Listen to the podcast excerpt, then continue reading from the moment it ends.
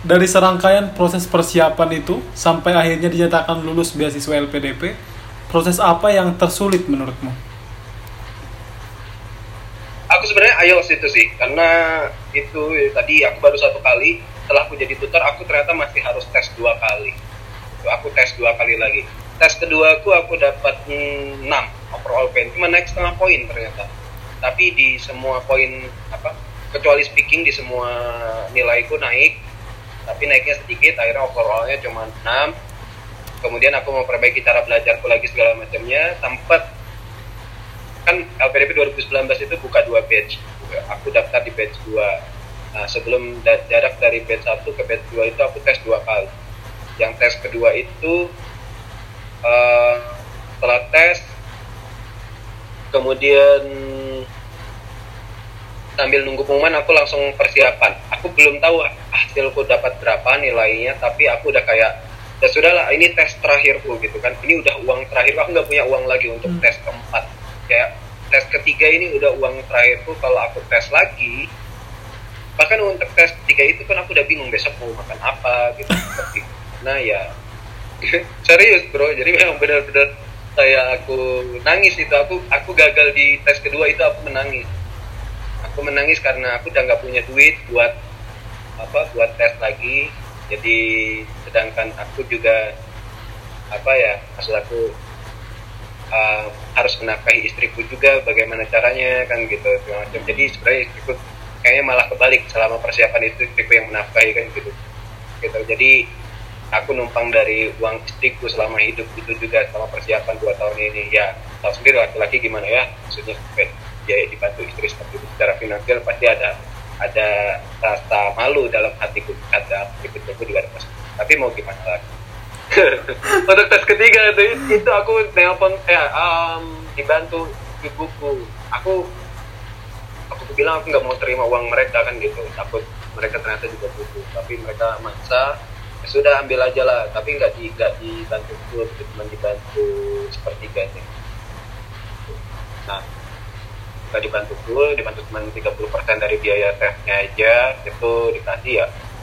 PK maksa untuk terima akhirnya aku terima terus aku pakai uang itu untuk tes. Dan setelah itu aku nggak ada pikiran buat tes lagi kayak benar-benar aku udah pasrahkan lah semuanya. Kalau gagal lagi aku mungkin harus berdamai lagi. Ekspektasiku tapi harus daftar lagi di LPDP dulu. Aku punya pikirannya begitu.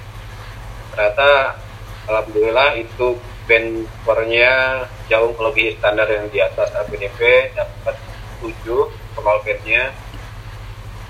Di situ aku nangis lagi tapi kayak lebih kayak nangis. Uh, terharu aja sih sama apa yang aku perjuangkan.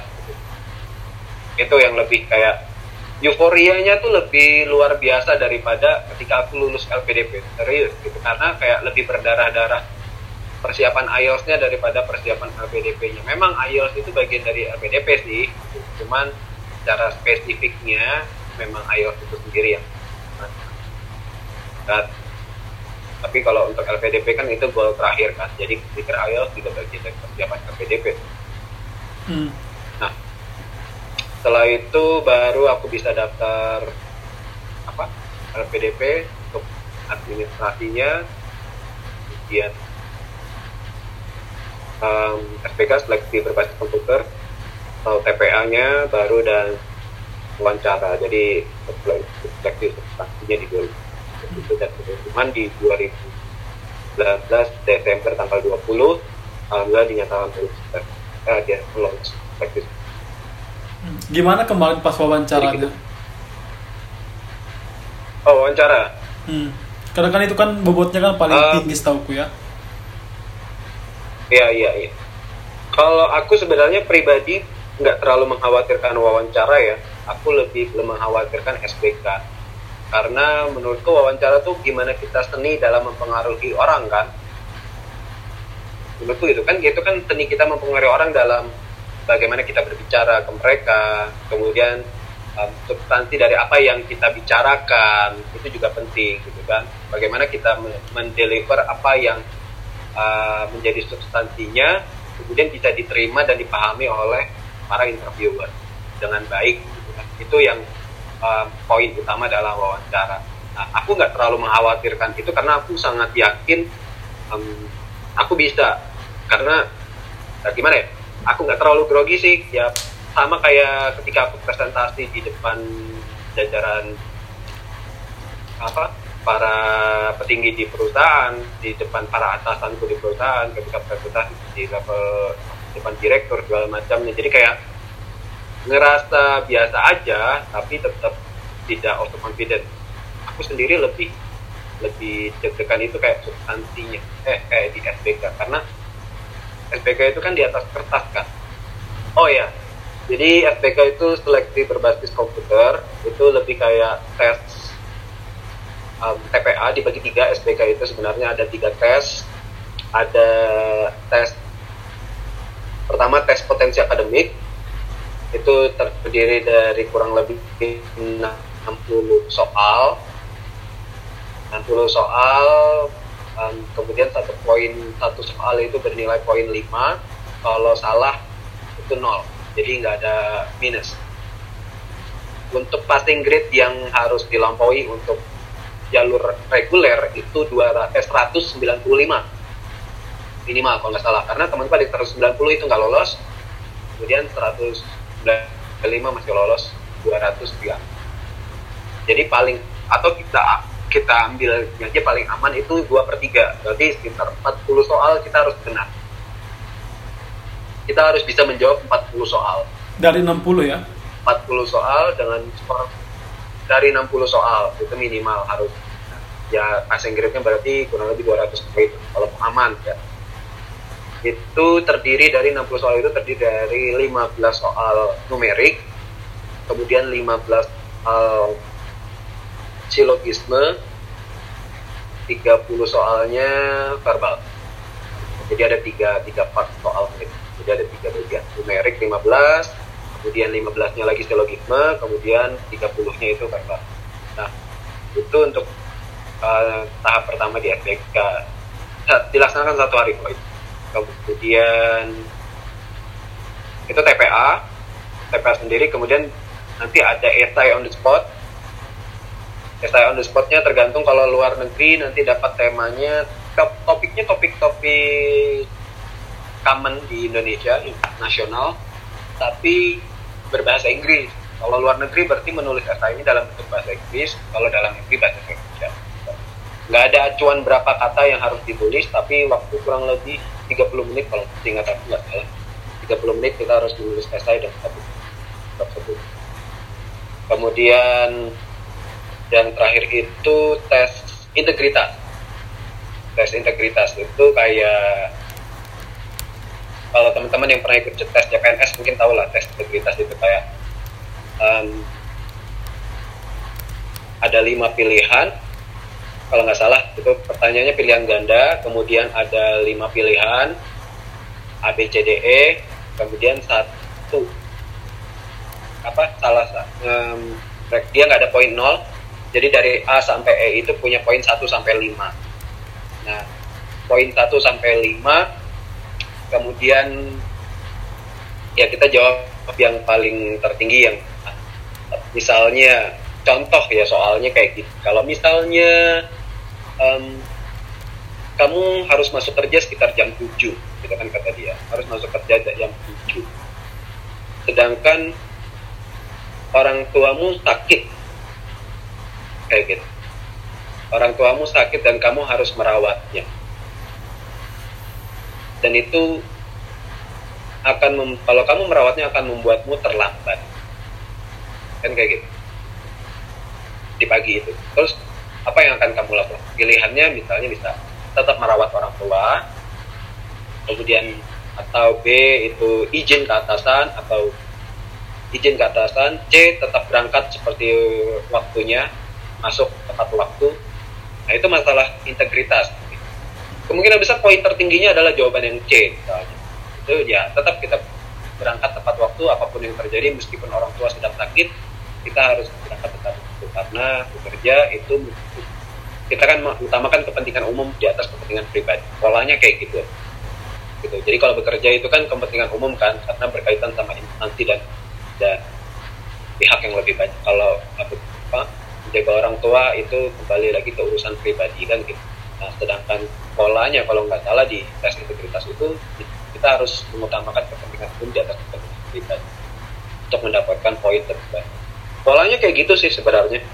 Tapi menurutku yang paling menjadi titik berat dalam SBK itu TPA.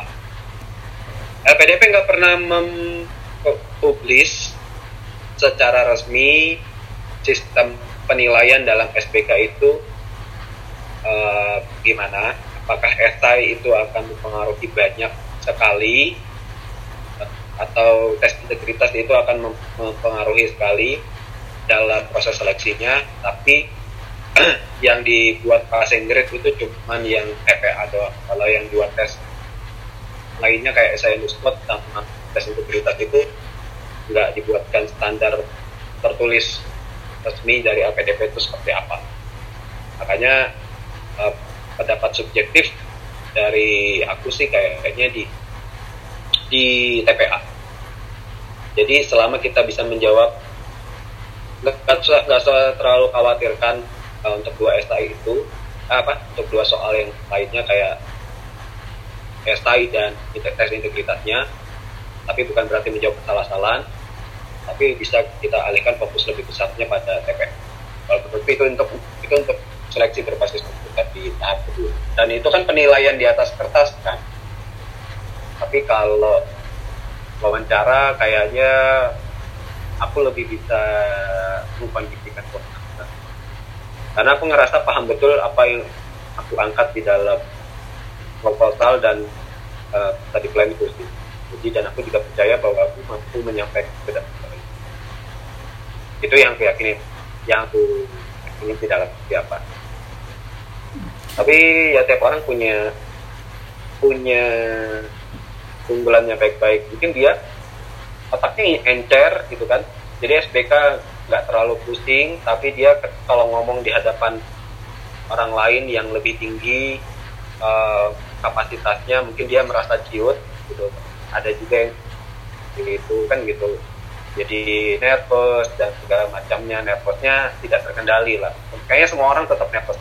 Aku pun juga nervous kan di depan wawancara siapa sih yang nggak nervous? Tuh sebagian besar orang nervous tapi uh, bisa mengendalikannya atau enggak itu yang nah kalau aku tergolong orang yang bodoh bodoh bodoh bro di atas kertas. Jadi SBK itu aku kayak aduh gitu, kayak mati-matian belajar. Jadi di sela-sela waktu luang mengajar ada jam istirahat aku sempatkan pasti buka buku pelajaran belajar atau kerjakan soal latihan ada waktu ngerjakan soal ada waktu ngerjakan soal. Benar-benar ngurangin bermain ngurangin nongkrong. Aku sama selama persiapan itu aku hampir nggak pernah nongkrong keluar bareng sama teman-teman tutor di situ. Bukan berarti nggak pernah sama sekali tapi hampir nggak pernah.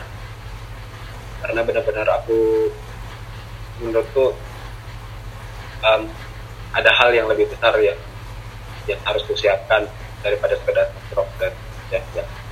Ya simpelnya gini ya karena balik lagi aku udah keluarga. Pengorbanan istri dan keluarga aku jauh lebih besar daripada rasa bosanku. Aku mikirnya rasa bosanku dalam jadi lebih baik aku pakai bulan selalu sampai benar-benar lolos baru persiapan untuk wawancara. Tetap disiapkan wawancara tetap disiapkan. Meskipun uh, aku ngerasa nggak terlalu khawatir tetap bilang jangan sampai oh, kita overconfident. Harus bisa. Ini menarik sih menurutku bro. Yang bagian wawancara tadi kan tadi kan kau bilang tetap harus dipersiapkan wawancaranya gitu. Terus sebelumnya kau juga menyebutkan soal bagaimana respon orang biasanya ketika menghadapi wawancara. Ada yang nervous lah ada yang gimana gimana gitu ya. Kan beda beda ya. Tapi intinya menurutku ya wawancara itu bakal bisa kita taklukkan tergantung bagaimana kesiapan kita nah sekarang pertanyaanku menurutmu persiapan apa sih yang harus dilakukan oleh seorang aplikan beasiswa LPDP ini untuk menghadapi tes substansi LPDP. Tadi kan substansi LPDP itu ada yang SBK, ada yang wawancara, ada yang on the spot essay kayak gitu kan. Dan salah satu tadi tips darimu secara tidak langsung untuk mempersiapkan diri itu jangan terlalu banyak nongkrong-nongkrong gitu. Fokus fokus fokus selain itu apalagi persiapan yang harus dilakukan Kalau aku gini sih, Em, satu kuasain proposal studi karena ketika kita seleksi administrasi untuk tahap pertama itu kan kita diminta menyerahkan proposal studi dan study plan kan di dalam itu. Untuk administrasi, aku rasa itu sebagai syarat untuk screening awal sih bahwa kamu punya, tapi nggak dibaca sama mereka. Menurutku ya. Nah, itu akan dipertanggungjawabkan nanti di wawancara. Jadi hanya karena itu sebagai screening awal di administrasi itu untuk kelem, apa, kelengkapan berkas dan kelayakan ya sekedar ada di tahap awal itu. Bukan berarti kita menyiapkan SI-nya dengan sembarangan. Karena kalau sembarangan di wawancara juga bakal blunder nantinya makanya satu untuk SI sebenarnya kayak proposal studi dan study plan itu harus disiapkan jauh-jauh hari dan harus kuat. Intinya benar-benar matang. Dan itu um, harus apa ya untuk matang itu prosesnya bukan men, kayak skripsi lah.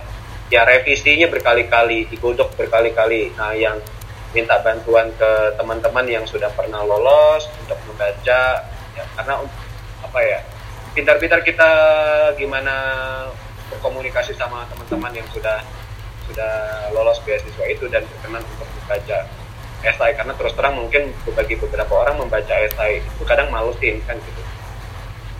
Kan gitu membaca esai itu kadang malesin apalagi ini kita membantunya tanpa apa ya itu tidak ditarif sama sekali loh gitu loh. Kita tidak bisa memberikan balas tidak uang sama sekali ke teman kita itu. Nah, jadi ya gimana kita menjaga hubungan baik sama teman dan segala macamnya barangkali supaya dia kita berkenan untuk jadi proven reader untuk esainya nah digodok terus digodok terus esai itu. Jadi nggak semalam dua malam untuk menulis ide yang datang dari proposal studi yang aku tulis itu sudah datang dari sebelum aku resign gitu.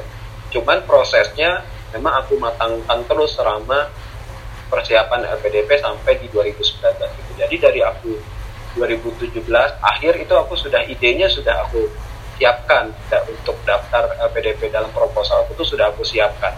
Benang merahnya tuh sudah ada. Tinggal gimana aku mengembangkan tulisan ide itu menjadi sebuah tulisan yang benar-benar bisa diterima oleh LPDP untuk proposal menjadi proposal studi yang benar-benar bisa diterima. Itu proses mematangkannya nggak sebentar gitu banyak brainstorming menulis. Itu kan hanya proses menuangnya kan tapi mematangkan idenya tuh di belakang itu juga penting. Jadi pertama kuasain proposal studi dan study plan. Dan buat untuk menguasainya jangan sistem kebut semalam. Jangan sistem kebut semalam menurut aku ya. Jadi jauh-jauh hari sudah dimatangkan jadi kalau LPDP bukannya tahun depan ya tahun sekarang udah mulai pikirin mau daftar LPDP tahun depan berarti tahun dari sekarang sudah mikirin apa yang mau diangkat dalam tulisan apa yang mau diangkat dalam esai atau apa yang mau diangkat dalam proposal dan study plan kita. Itu itu itu yang sangat sangat mempengaruhi dalam proses seleksi wawancaranya terutama. Menurutku itu. Kalau administrasi mungkin nggak terlalu penting terlalu penting tapi di wawancara nanti akan dibaca dan itu akan jadi hal yang sangat penting kemudian kedua Bro, kumpulkan sebelum pertanyaan-pertanyaan masuk ke yang kedua, did you mention proofreader before? oke Kamu tadi nyebut proofreader ya? Kayaknya audiensku nggak ngerti tuh. Proofreader. oh proven reader proven reader Ah, coba jelasin dulu deh proofreader itu apa. Tadi kamu nyebutin itu soalnya. Oke. Oh ya, jadi kayak proofreader itu em, mereka yang mau orang-orang yang mau menjadi apa ya? Orang-orang yang mau memberikan feedback terhadap tulisan esai kita, baik dari substansi maupun dari teknik menulisnya dan memberikan feedback bagaimana menulis esai yang benar dan tepat sasaran seperti apa yang diinginkan oleh eh, pemberi beasiswa. Menurutku itu. Iya, benar banget. kalau kita punya orang, uh, kalau punya orang-orang seperti itu, punya link untuk berkenalan atau meminta bantuan dari orang-orang itu, itu sangat membantu. Nggak harus satu bidang, nggak harus satu bidang. Misalnya aku pertanian, aku dikoreksi sama orang yang latar belakangnya orang lingkungan sebenarnya. Hmm. Bahkan ada yang temanku uh, latar belakangnya orang hukum bro which is good gitu Hukum, karena kan orang hukum kan istilahnya bisa ke mana-mana kan. Lingkungan ada kaitannya dengan hukum pertanian juga gitu. Jadi kamu bakal kaya dengan perspektif gitu. Jadi itu untuk esai sih. Tadi ya esai disiapkan cari orang-orang yang bisa tapi kalau dapat yang satu bidang yang sama itu akan jauh lebih membantu. Nggak dapat pun minimal mereka bisa membantu dari dari segi penulisan dan bisa diajak uh, brainstorming bareng gimana gimana kita mengang apa ya menggali ide lebih dalam. Nggak masalah sih kalau menurut aku. Yang penting ada itu udah sangat membantu. Kemudian yang kedua itu kita bisa kumpulkan pertanyaan-pertanyaan um, prediksi apa ya pertanyaan apa yang akan muncul dalam wawancara. Itu bisa didapatkan misalnya dari internet googling aja deh. Pokoknya banyak-banyak nyari. Kemudian kalau ada informasi grup WhatsApp yang bikin forum-forum persiapan biasanya banyak anak-anak yang eh, para peserta apa eh, pendaftar LPDP itu membuat grup dan untuk mempertukar informasi di dalam grup itu ikutin aja masuk aja ke dalam grup grup-grup yang bermanfaat seperti itu untuk mendapatkan informasi lebih dalam membantu persiapan. Biasanya di share di situ pertanyaan-pertanyaan prediksi yang akan muncul dalam wawancara. Baik pertanyaan yang sifatnya substansial terkait akademiknya maupun um, pertanyaan yang bersifat nasionalis nasionalisme yang berkenaan dengan nasionalis. Itu um, kumpulkan pertanyaannya kemudian buat catatan. Kalau aku gini biasanya Kema- kemarin itu aku tulis aku kumpulkan pertanyaannya di dalam word aku jadikan satu kemudian aku buat jawabanku juga di situ. Jawabanku aku tulis. Jadi aku ketik gitu. Selesai SPK sebelum pengumuman SPK itu aku lolos SPK atau enggak aku sudah langsung tancap gas untuk persiapan wawancara. Aku langsung tancap gas jadi aku aku nggak tahu aku lolos SPK atau enggak tapi aku langsung persiapan untuk wawancara. Jadi aku curi start aja langsung. Tidak harus menunggu pengumuman SP- SPK itu keluar baru kita wawancara. Karena jaraknya cukup singkat biasanya.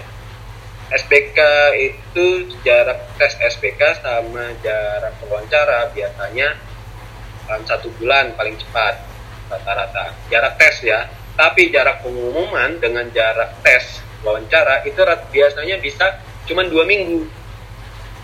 Jadi kan kayak mepet banget kan kalau persiapan dari set- setelah kita dapat pengumuman. Ya udah persiapan wawancara itu setelah kita selesai SPK langsung persiapan menurutku gitu. Jadi nggak usah buang-buang waktu menunggu pengumuman. Aku lolos dulu baru aku persiapan. Yang menurutku hal yang terlalu lambat persiapan seperti itu. Karena dua minggu untuk persiapan wawancara terus terang itu menurutku tingkat banget. Waktu itu tes SPK kalau nggak salah sekitar 15 Oktober wawancara sekitar 26 November. Jadi jaraknya kurang lebih tiga minggu tiga sampai empat minggu. Jadi ya cukup mepet itu juga. Tapi aku langsung ya, ya pasti mungkin efektif tiga minggu. Di luar pelakukan kumpulkan pertanyaan aku tulis di situ di dalam word pertanyaannya aku tulis jawaban yang aku buat. Se- sebanyak mungkin yang aku bisa kemudian aku simulasikan sama diriku sendiri. Ya kayak menghafal sih tapi tapi coba lebih pahami substansinya bukan jadi bukan masalahnya kalau menghafal kan kalau di depan kita keluar kita kita menghafalkan gitu Jadi mungkin lebih pahami tepatnya ini kali bro. membuat poin-poin kali maksudnya kalau aku enggak sih aku bukan poin sih. Jadi dari pertanyaan itu aku jawab buat kayak kayak kita esai gitu loh. Oh gitu. Jadi aku buat pertanyaan. Ah ada pertanyaan di bawahnya aku tulis jawabanku. Hmm. meskipun jawabanku meleset tapi cara bicaraku udah tertata di dalam tulisan. Kayak kita bikin pidato gitu oke oke oke. Tapi sing ah, tapi singkat kan gitu tapi singkat. jadi nggak usah menghafal juga tapi pahami esensinya. Jadi um, kita bicara nggak jauh-jauh dari itu. Alur bicara kita juga nggak jauh dari itu. banyak banget pertanyaannya mungkin bisa puluhan gitu. Hmm. karena kita nggak akan tahu pertanyaan mana yang akan keluar jadi buat aja sebanyak-banyaknya yang kita bisa dalam persiapan baik dari akademik maupun yang nasionalis itu persiapanku yang kedua terus setelah buat itu aku persiapan yang ketiga eh pertama yang kedua itu simulasi sama diri sendiri kan tentunya. Kita coba diulang terus diulang terus sampai benar-benar terbiasa. Nah yang ketiga kita simulasi dengan teman menurutku ya. Kita cari rekan. Kalau bisa teman-teman yang sudah selesai um, seleksi LPDP yang terakhir. Misalnya nih misal um, kalau kemarin aku dibantu teman-teman yang sudah sudah lolos seleksi LPDP di batch 1 jadi jadi kan masih hot banget kan karena mereka masih kita masih dalam satu tahun yang sama tahun seleksi yang sama cuma beda batch dia batch satu membantu aku untuk seleksi wawancara di batch jadi benar-benar ditanya ya, dan jadi kita bisa tahu nanti kekurangannya apa uh, dalam cara apa yang dibutuhkan. Itu juga yang aku lakuin. Kemudian selesai wawancara waktu itu aku bantu temenku juga sih. Kan kita wawancara itu beda tanggal kan beda-beda tanggal dan jadwal yang kita terima. Nah, aku selesai wawancara itu malah di kita satu bed yang sama ngebantu aku ngebantu temen-temenku yang wawancara juga untuk di bed dua itu juga tapi di, di seleksi di minggu berikutnya setelah jadwal wawancara minggu itu. Itu lebih baik sih kalau simulasi bareng temen yang jadwalnya duluan. Benefitnya punya temen seperjuangan bareng tuh enaknya gitu ada temen yang sudah wawancara duluan di bed yang sama kita dapat jadwal belakangan uh, kita bisa tanya-tanya ke mereka dan ya mereka tolong berkenan lah. Ya, walaupun mereka nggak pelit-pelit juga bantu kita simpati. Meskipun mereka waktu jadi bed eh waktu pun mereka dapat giliran wawancara duluan tapi uh, ya itu udah konsekuensi kan. Dapat dapat giliran duluan itu konsekuensi tapi dapat giliran terakhir justru ada benefitnya. Kita bisa simpati sama teman-teman yang kiranya lebih itu kalau wawancara. Sisanya tinggal hari H teknis hari hanya gimana kita mendelivernya sikap selama prosesnya dan gitu bro. Hmm. dan aku pengen nambahin dikit sih mengenai esai tadi. Tadi kan kita itu harus bikin esainya itu matang. Aku setuju banget sih soal yeah, itu. yeah. karena dulu ada temanku dia itu bikin esainya cuma sehari kamu bisa bayangkan nggak bikin esai yang tiga-tiga itu mengenai kontribusi lah, kesuksesan terbesar lah, sama rencana studi itu cuma sehari doang. Dan kamu bisa bayangkan nggak itu kan 500 sampai 750 kata kan per esainya dikali dikali tiga gitu. Jadi oke okay lah dia lolos administrasi karena sama seperti yang kau bilang tadi ya mungkin mereka pihak LPDP-nya nggak bakal baca semuanya gitu loh. Yang penting kita punya sesuai dengan apa yang di diapakan diinstruksikan terus ya udah lolos gitu administrasi lo ya. Tapi kan kembali lagi di proses substansi tadi apalagi di wawancara kalau kita nggak bisa mempertanggungjawabkan apa yang kita tulis di esai kita ya kita nggak bakal bisa lolos gitu. Termasuk temanku itu pas wawancara dia nggak bisa jawab ini dengan baik karena bikin esainya cuma sehari. Jadi betul-betul harus disiapkan dengan matang. Yang kedua terkait dengan interview tadi. Kalau Fahmi kan tadi kan bilangnya kita bikin oh ini kira-kira pertanyaannya. Terus kita bikin jawaban utuh gitu. Kalau aku mungkin lebih ke membuat poin-poin karena memang aku takutnya kalau aku membuat jawaban yang utuh nanti terkesan scripted. Keluarnya nggak natural. Itu kalau aku loh ya. Karena tiap orang beda ya improve-nya gitu. Aku kadang mungkin nggak bisa improve terlalu ini gitu. Makanya aku bikin poin-poin pentingnya aja. Jadi ya aku keluar keluarkan apa yang aku tahu tentang poin-poin itu dan aku jelaskan dengan kata-kata sendiri gitu sih biar nggak terpacu sama apa yang udah aku siapkan kayak gitu. Oke okay. uh, eh, lanjut ya bro ya. Kalau melihat ke belakang nih ke masa-masa dulu pas lagi berjuang untuk dapat beasiswa ya aku tau lah gimana perjuanganmu dulu bahkan sampai sekarang di tahap ini. Kurang lebih sama sih kayak aku dulu. Ribet parah sih. Tapi percaya nggak percaya ya? Karena kalau ingat momen-momen itu tuh kayak nggak nyangka gitu loh. Kok bisa ya kita ngelewatin proses yang sesusah itu kok bisa bertahan gitu loh. Padahal kan itu kan sesuatu yang nggak pasti. Siapa yang bisa menjamin kita lolos misalnya? Nggak ada kan? Gak ada yang bisa jamin itu. Pasti kamu juga ngalamin lah yang namanya pasang surut. Apalagi kau persiapannya kan dua tahun jadi kampung Inggris. Jadi kau pasti ngalamin yang namanya masa-masa kecewa malas galau tiba-tiba nggak mood karena nilai IELTS uh, scoring IELTS atau TOEFL yang nggak naik-naik naik turun atau bahkan ada masanya dalam beberapa hari itu berturut-turut skor turun melulu. Ini kan bikin emosi kan. Apalagi kalau kitanya udah jor-joran, udah dengerin podcast dari subuh, terus ambil kelas malam private IELTS writingnya Miss Jun misalnya kayak aku dulu karena memang dari jam 5 pagi sampai sore udah ada lima program yang aku ikuti jadi terpaksa deh ngambil kelas malam untuk writing dan itu privat pokoknya kalau mengingat momen itu tuh bikin kita kayak wow kok bisa ya ngelewatin proses seribet itu? Kira-kira nih bro kalau kau ditanya what at the time made you survive and keep going? Apa yang membuat kau survive waktu itu? Kalau aku punya prinsip aku udah memutuskan berjuang. Tapi aku udah tahu mungkin mungkin ke depannya aku bakal gagal mungkin ke depannya aku bakal gagal dan nggak ada sih yang siapa satu orang pun di dunia ini yang bisa menjamin bahwa aku bakal berhasil untuk dapetin beasiswa PDP nggak ada satu pun dan aku bakal tahu persiapannya itu bakal memakan waktu biaya dan tenaga yang gak sedikit dalam persiapan. Cuma aku selalu punya prinsip selalu bersi, uh, berharap tuh ya selalu yang terbaik. Memang berharap yang terbaik tapi bersiap untuk segala sesuatu kemungkinan yang terburuk. Aku selalu mempersiapkan diriku untuk menghadapi situasi terburuk. Jadi ketika aku menghadap dalam situasi terburuk itu aku udah siap dan aku tahu gimana caranya bangkit dari posisi itu. Untuk bisa bangkit aku cuman tadi yang aku bilang bahwa aku cukup yakin bahwa apa yang kulakukan ini progresif. Meskipun ya gagal kan naik turun. Kalau kita lihat kalau dibikin grafik itu kayak cara tren tuh naik gitu loh progresif. Tapi mungkin di kalau kita lihat detail-detail di dalam grafiknya tuh ada di mana ketika grafik itu menurun gitu kan. Misalnya sudah naik 10 poin tiba-tiba turun 5 poin. Tapi dari turun 5 poin itu kan kita tidak turun ke nol lagi kan. Kita tidak turun ke nol lagi. Kita berangkat dari poin kita berangkat lagi untuk menanjak lagi untuk berangkat tinggi lagi.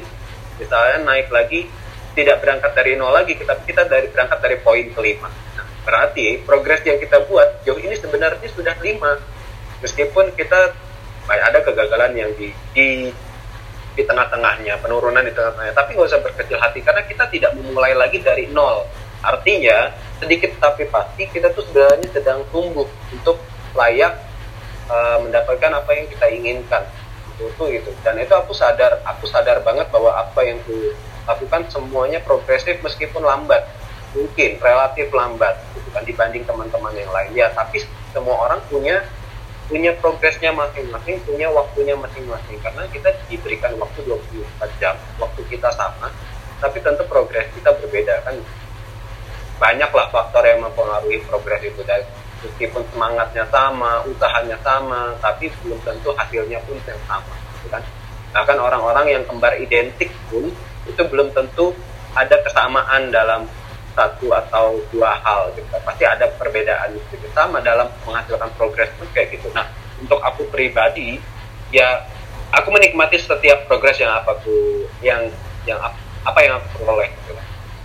dibanding uh, dengan kegagalan yang bikin aku frustasi belum benar aku memang frustasi di dalam prosesnya tuh. Ada rasa frustasi. Tapi ya balik lagi aku selalu berusaha ngelihat kayaknya sedikit lagi deh. Kayaknya sedikit lagi deh aku selalu berpikir kalau Tuhan memang benar-benar pengen aku gagal nggak mungkin aku dikasih kesempatan untuk bisa pergi ke Pare ketemu sama orang-orang yang sudah lolos LPDP dan bisa tes IELTS sampai dua kali tiga kali gitu. menurutku aku sedang di tahap berkembang memang belum pantas tapi di tahap berkembang tinggal apakah itu jadi mungkin ya itu akan menjadi tidak mungkin PDP tidak akan menjadi tidak mungkin bagiku kalau aku memutuskan berhenti di tengah jalan.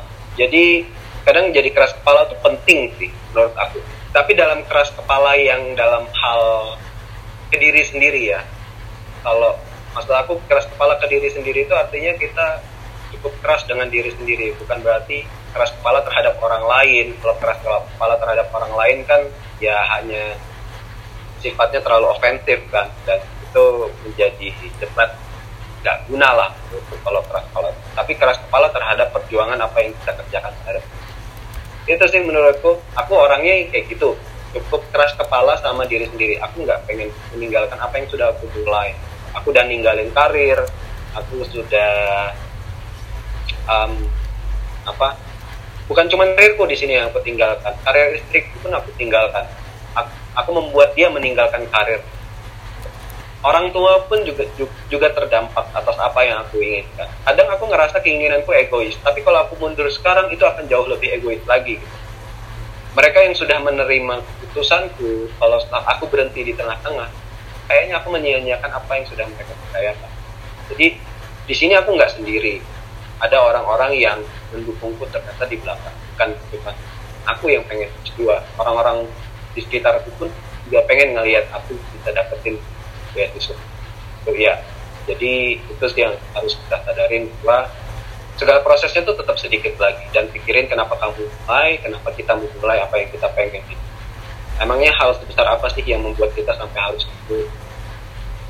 Memang ada hal-hal yang yang nggak bisa dihindarin aku punya selama proses mengejar beasiswa itu aku ketemu orang yang yang sofistik gitu. orang-orang yang sofistik juga pengen S2 tuh. Tapi di tengah jalan mereka dapat kabar orang tuanya meninggal. Itu menurutku hal-hal yang luar biasa yang mungkin bakal menghambat mereka. Dan aku nggak punya itu kan kalau aku nggak punya itu terus kenapa aku harus berhenti gitu? Aku tidak menghadapi situasi seperti mereka kan. Kalau aku nggak menghadapi situasi seperti mereka kenapa aku harus berhenti aku berusaha keras kepala terhadap itu. Selalu mencari fakta untuk membantah keraguan yang aku punya. Fakta kayak misalnya aku berasal dari kampus kecil. Kayaknya kampus kecil tuh nggak nggak cukup menjanjikan untuk bisa keterima LPDP untuk bisa berkuliah di kampus terbaik di, di kampus terbaik tingkat dunia kayak gitu. Tapi ternyata aku cukup bisa membuktikan itu dan mencari fakta bahwa di luar sana banyak kok yang mereka kampus kampus-kampus kecil juga tapi bisa terima dan itu untuk menumbuhkan itu penting menurutku ya bisa menumbuhkan kepercayaan diri daripada fokus fokus pasrah terhadap apa yang kita punya. Aku lebih berusaha membantah keraguanku. Kayak yang keterima LBTP itu harus orang-orang berprestasi.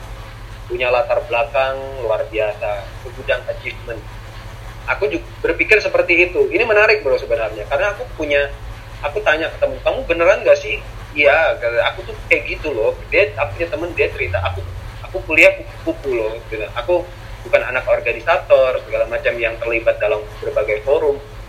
Prestasi juga nggak ada. Maksudnya dalam arti nggak ada yang menjanjikan untuk LPDP gitu ternyata nyatanya dia lolos lolos aja.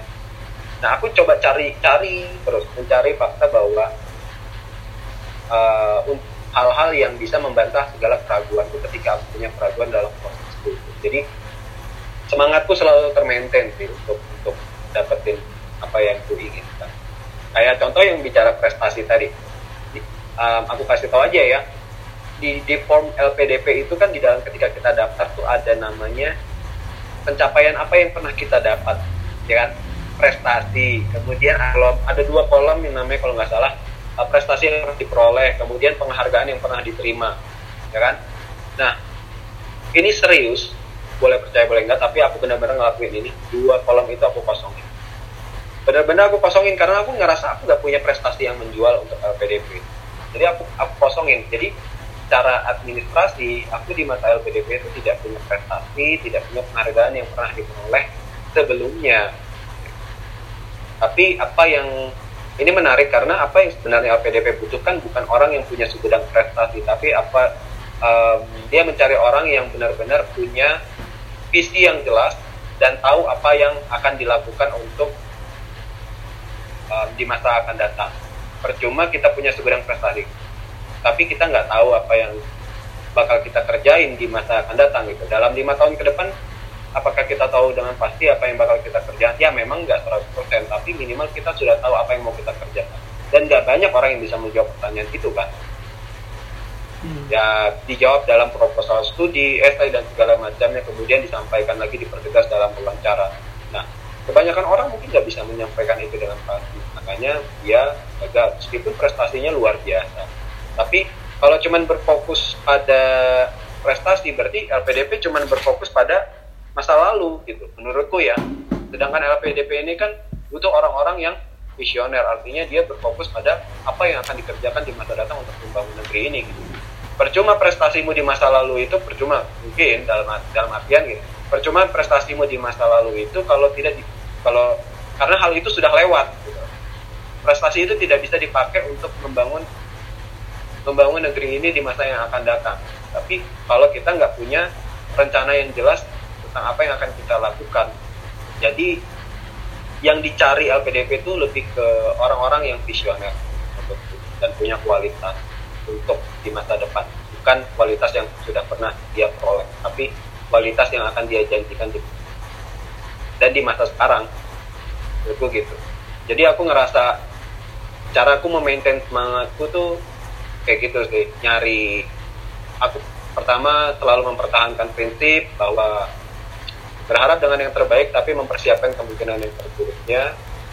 Usaha dulu kan. kemudian keras kepala lah dengan diri sendiri menurutku. Artinya nggak nggak cepat patah semangat dan berusaha cari fakta yang bisa membantah segala keraguan yang kita punya. Dengan gitu semangat kita bakal terpikir dan sekalipun kita jatuh kita cepat berdiri lagi okay. karena emang pada dasarnya harus disadarin orang-orang harus karena pada dasarnya semua peserta harus menyadari bahwa proses untuk menuju ke sana itu nggak mudah Nah, itu harus disadarin dulu. Jadi jangan membayangkan yang enak-enaknya, tapi sadari bahwa nggak mudah. Itu aja sih. Oke, intinya kan persiapan LPDP ini menguras energi, pikiran, bahkan iman menurutku. Yang sering kali bikin kita frustasi. Tadi kamu bahkan nyebut soal bangkit dari keadaan kita yang lagi frustasi atau semacamnya lah. Aku pernah baca di mana gitu. Ada yang bilang gini bro, everything you've been through and overcome has made you stronger. Artinya, segala sesuatu yang udah kita lalui itu bakal bikin kita lebih kuat dan bahkan jauh lebih kuat dari sebelumnya. Kalau aku tanya nih bro, setelah melewati proses panjang ini, dalam hal apa kau merasa jauh lebih kuat dan perubahan positif apa aja yang udah kau alami? Yang paling yang paling berkesan ya, aku jadi orang yang paling tidak mengkhawatirkan kemungkinan terburuk ya apa yang bakal aku terima. Tapi justru aku lebih kayak harapkan apa yang bakal aku aku kerjakan gitu tapi bukan berarti aku tidak bersiap. Tadi kembali lagi masalah prinsip itu yang tadi. Jadi kayak karena aku sudah ngelewatin LPDP di tahap-tahap sulit LPDP di masa-masa di mana aku bingung. Terus terang aku kayak bingung in, besok aku duitku dari mana ya? Besok aku makan kayak gimana ya? Di pasar tapi ternyata rezeki itu selalu ada. Maksudku selalu ada yang akan datang. Jadi kayak cuma kayaknya aku memikirkan hal-hal yang bakal bakal apa ya menghambatku di masa depan. Terlalu khawatir dengan hal-hal yang akan datang yang belum tentu terjadi gitu kan. Ya daripada karena kalau kita terlalu mengkhawatirkan hal-hal negatif yang mungkin terjadi maka energi negatif itu bakal menarik kita juga dari dari apa yang sedang kita kerjakan sekarang. Justru menarik kita dari dari produktivitas kita gitu kan. Energi negatif itu. Kalau kita berfokus pada hal yang positif tapi itu menurutku jauh lebih lebih lebih santai sih gitu yakin aja tapi yakin itu ya tadi bilang jangan terlalu overconfident. Yakin kalau tidak diikuti usaha ya jatuhnya cuma berangan-angan kan nggak nggak ada realisasinya ya aku tetap terlalu ada usaha di jadi aku kayak nggak terlalu khawatir bahwa aku bakal gagal di masa depan. Selama yang kita perjuangkan itu selalu hal baik ketika kita melepaskan satu dua hal baik lainnya dan kita bergerak untuk hal baik yang baru yang kita perjuangkan ya pastilah ada rezeki dari pintu-pintu lain yang bakal terbuka. Kecuali emang niat kita untuk hal-hal yang ya nggak benar ya ya pasti imbas baliknya pun pasti bisa nah aku percaya bahwa menempuh pendidikan ke jenjang yang lebih tinggi selain memberikan manfaat untuk diri sendiri dan orang-orang di sekitarku itu merupakan hal baik untuk hal-hal baik yang sedang aku lakukan meskipun aku harus meninggalkan karirku tapi ternyata banyak sekali rezeki yang aku terima. Kalau dinilai dari materi rasanya nggak teruk rasanya kayak gimana ya? Uh, tentu jauh. Kalau kita ukur secara materi gaji yang aku terima ketika aku bekerja kemudian dengan pendapatan sekarang ya terus terang aja aku sekarang apalagi di masa pandemi kayak gini bisa dikatakan nganggur bro. Secara teknisnya aku nganggur gitu tidak punya pekerjaan. Nah, dibanding aku yang punya pekerjaan tetap dengan gaji yang tampan dan segala macam fasilitas yang kalau kita ukur secara materi mungkin itu jauh lebih sedikit tapi jaminannya apa ya? Aku punya rezeki yang rezeki itu kan nggak selalu materi. Nah rezeki yang terbuka tuh apa? Ya tadi aku bilang aku alhamdulillah dapat beasiswa kemudian istriku juga yang resign pun alhamdulillah di 2018 dia lolos seleksi CPNS dan sekarang sudah aktif gitu kan gitu. banyak sekali rezeki-rezeki yang yang aku terima aku meninggalkan yang lain. Karena aku percaya yang kerjakan sekarang ini adalah hal yang kayak aku punya teman-teman aku nggak pernah kebayang sebelumnya aku bakal punya teman yang sedang studi di luar negeri bareng gitu kan. Meskipun berbeda negara tapi kita punya negara apa punya uh, kesibukan yang yang bisa dikatakan sama sama-sama sedang studi di, luar negeri dia sedang punya visi yang yang secara umum itu juga sama. Ternyata teman pertemananku semakin luas gitu, relasi dan segala macamnya. Aku aku syukurin sih hal itu. Karena aku bilang balik lagi kalau diukur materi aku cari mentor aja. Itu bayar 2 juta dulu ya dulu. Aku tahu rasanya cari mentor itu harus bayar 2 juta gitu. Jadi kalau berpikir yang negatif aja ya selalu cenderung apa yang kita tidak punya ya gitu. energi itu akan menarik menarik kita dari dari hal-hal yang positif gitu. jadi nggak usah terlalu khawatirkan dengan hal-hal yang negatif lah yang yang buruk yang akan terjadi di kita secara garis besar kesimpulannya aku jadi orang yang lebih lebih cukup percaya diri untuk hari esok gitu. Barusan kamu ngomong masalah gagal kan ya bicara soal gagal atau kegagalan lah atau jatuh bangun gitu. Aku sih percaya tiap orang itu ya harus mengalami masa-masa itu. Gagal itu pasti pasti bakal ada dan harus juga sih menurutku. Cuman ya orang-orang yang pada akhirnya bisa berhasil terus dikenal hebat lah kita bilang itu bukan karena mereka memilih untuk pasrah kan tapi mereka itu istilahnya melakukan sesuatu lah.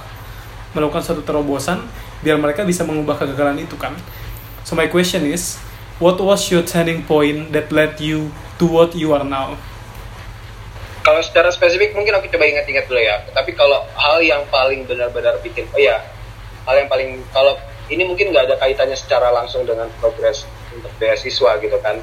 Tapi benar-benar menjadi bentuk aku yang jadi pribadi yang lebih siap gitu loh. Dan gitu, apa menghadap ya siap untuk menerima segala sesuatu yang terburuk yang bakal kita terima gitu. ya itu yang saya bilang ketika adikku meninggal gitu kan adikku suku ketika aku kuliah kita aku lagi kuliah S1 di tahun kedua aku itu adikku meninggal dan aku nggak bisa pulang karena terbatas jarak dan waktu sedangkan adik itu harus dimakamkan hari itu juga jadi aku nggak bisa pulang dengan mengejar uh, mengejar prosesi sebelum pemakaman gitu. maksudnya kalau aku pulang aku bakal ketemu makam cuma makamnya bukan ketemu jenazahnya. Padahal aku juga pengen lihat adikku.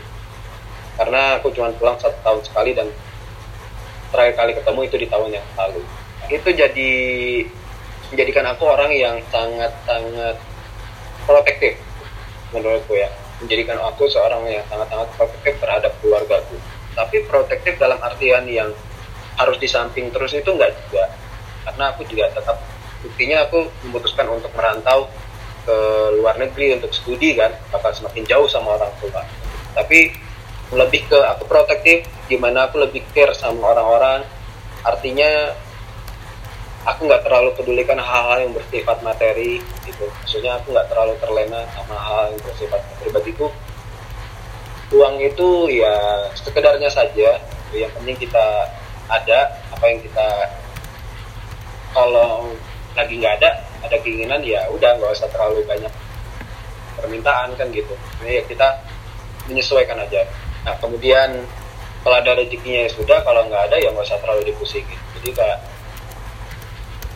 lebih orang yang bisa nerima segala kemungkinan terburuknya. Kemudian hmm. aku lebih mentingin keluargaku. Alasanku alasanku juga salah satu kenapa aku studi itu juga pengen ngangkat derajat orang tua aku. Aku pengen orang tuaku yang tamatan SMP itu punya punya anak yang bisa uh, pendidikan yang yang jauh dan di atas mereka dalam artian yang, mem, yang saya membanggakan. Aku mengangkat derajat mereka. Bukan bermaksud melampaui orang tuaku tapi lebih ke aku pengen mereka punya kebanggaan tersendiri sebagai orang tua kayak gitu punya kebanggaan bahwa mereka jadi orang tua yang bangga. Mereka nggak orang tua aku nggak berkecil hati bahwa mereka dengan tamatan SMP ternyata bisa mendidik anaknya bisa sekolah sampai seperti itu. Aku pengen orang tua aku merasa itu. Ya aku jadi kayak kebanggaan tersendiri sih. Jadi kayak jadi orang yang pendidikan rendah ternyata bisa mendidik anaknya bisa untuk sampai ke jenjang pendidikan yang itu salah satu. Buat orang tua perasaan ada perasaan bangga. Itu kayak ya personal kayak jadi lebih kayak hal-hal yang sifatnya sentimental sebenarnya. Itu turning pointku dari ditinggal adikku kemudian lebih jadi orang yang lebih mengutamakan keluarga dalam berbagai hal bukan berarti jarak. Kemudian bagiku sejauh ini nggak ada kegagalan yang lebih berat daripada ketika aku ditinggal adikku. Jadi kayak aku ngerasa nyantai aja aku nggak punya duit hari ini aku gagal hari ini tapi kayaknya nggak lebih berat daripada aku yang dulu jadi jadi buat apa aku nyerah sekarang? Toh kalau ternyata aku suatu saat uh, orang tua aku meninggal ya pasti aku bakal berduka tapi ya mati ini kan pasti. Kematian itu pasti bagi tapi buat jadi buat apa terlalu mengkhawatirkan hal yang sudah pasti ngapain kita mengkhawatirkan kematian? Karena kematian itu pasti gitu. pikirin dengan apa yang belum kita kerjakan gitu loh. Gitu. misalnya kita belum belum memikirkan belum mencapai keinginan keinginan keinginan keinginan kita. Terus misalnya kayak kita belum mengejar mimpi-mimpi yang belum tercapai gak usah terlalu dikhawatirkan soal kematian. Jadi kayak aku nggak terlalu khawatir sama apa pun kegagalan. Meskipun orang tua aku meninggal pasti aku berduka tapi luka pastilah. Nggak tahu aku bakal bisa sembuh dengan cepat tapi aku sudah berusaha menyiapkan diriku dan hal yang terburuk jadi kayak makanya itu menjadi kan aku seorang yang lebih nyantai dalam nyantai dalam tanda kutip. Iya ya banyak kali gitu yang mengubah pikiran ya mengubah pola pikir. Oke bro. Sebelum mengakhiri obrolan santai kita yang udah tiga jam lebih ini oh tiga jam 12 menit ya. Tiga jam 12 menit. Sebelum mengakhirinya ya aku pingin nanya satu pertanyaan lagi gimana progres persiapan keberangkatanmu ke luar negeri sampai saat ini? Oke, sampai saat ini kampus tujuanku seperti di awal. Aku persiapan beasiswa itu jadi risetnya udah lama. Risetnya udah lama. Aku seperti yang keinginanku dari awal. Kenapa aku pengen luar negeri? Aku udah nungguin itu dari jauh-jauh hari. Jadi nggak nentuin per kampus, nentuin topik dan segala macamnya itu aku udah dari jauh-jauh hari sampai saat ini memang kampus tujuanku opsinya ada di Belanda, Swedia dan Amerika. Dan aku belum dapat kampus yang pasti di mana aku studi dari ketiga itu. Tapi aku uh, memperjuangkan progresku untuk di Belanda. Karena ada beberapa hal hal-hal yang sifatnya pasti di PDP yang belum aku selesaikan. Jadi masih aku bersikeras gimana caranya karena menurutku perjuangan belum berakhir. Bersikeras untuk pergi ke Belanda. Harusnya tahun ini berangkat tapi sepertinya bakal di deliver ke tahun depan dan itu udah keputusan yang kayaknya udah dibulatkan mengambil opsi defer, deferral atau ditunda ke tahun depan intake-nya di September 2021 karena isu pandemi ini jadi LPDP nggak boleh nggak bisa memberangkatkan semua awardee yang intake tahun 2020 jadi keberangkatan tercepat itu di intake Februari atau intake Spring 2021 berhubung jurusanku cuma ada di September fall 2021 atau di musim gugur itu ya jadi bisa dimulai di September. Insya Allah kemungkinan besar bakal di waktu University tapi setelah menyelesaikan proses administrasi kita yang yang ada di LPDP termasuk PK mungkin ini karena PK ditunda siapan pertama. Iya ya. Oke deh kita doakan sama-sama ya biar bisa berangkat ke sana gitu. Buat teman-teman juga yang lagi dengerin podcast ini, mohon doanya buat Bro Fahmi biar bisa berangkat tepat pada waktunya tentunya. Dan aku yakin banget sih dia pasti berangkat. Anyway, makasih banyak udah mau jadi tamu VVIP di acara ngobrol-ngobrol santai ini. Kapan-kapan pasti kundang lagi. Tentunya dengan status yang berbeda. Fahmi dengan status sebagai mahasiswa internasional di salah satu universitas terkemuka di dunia.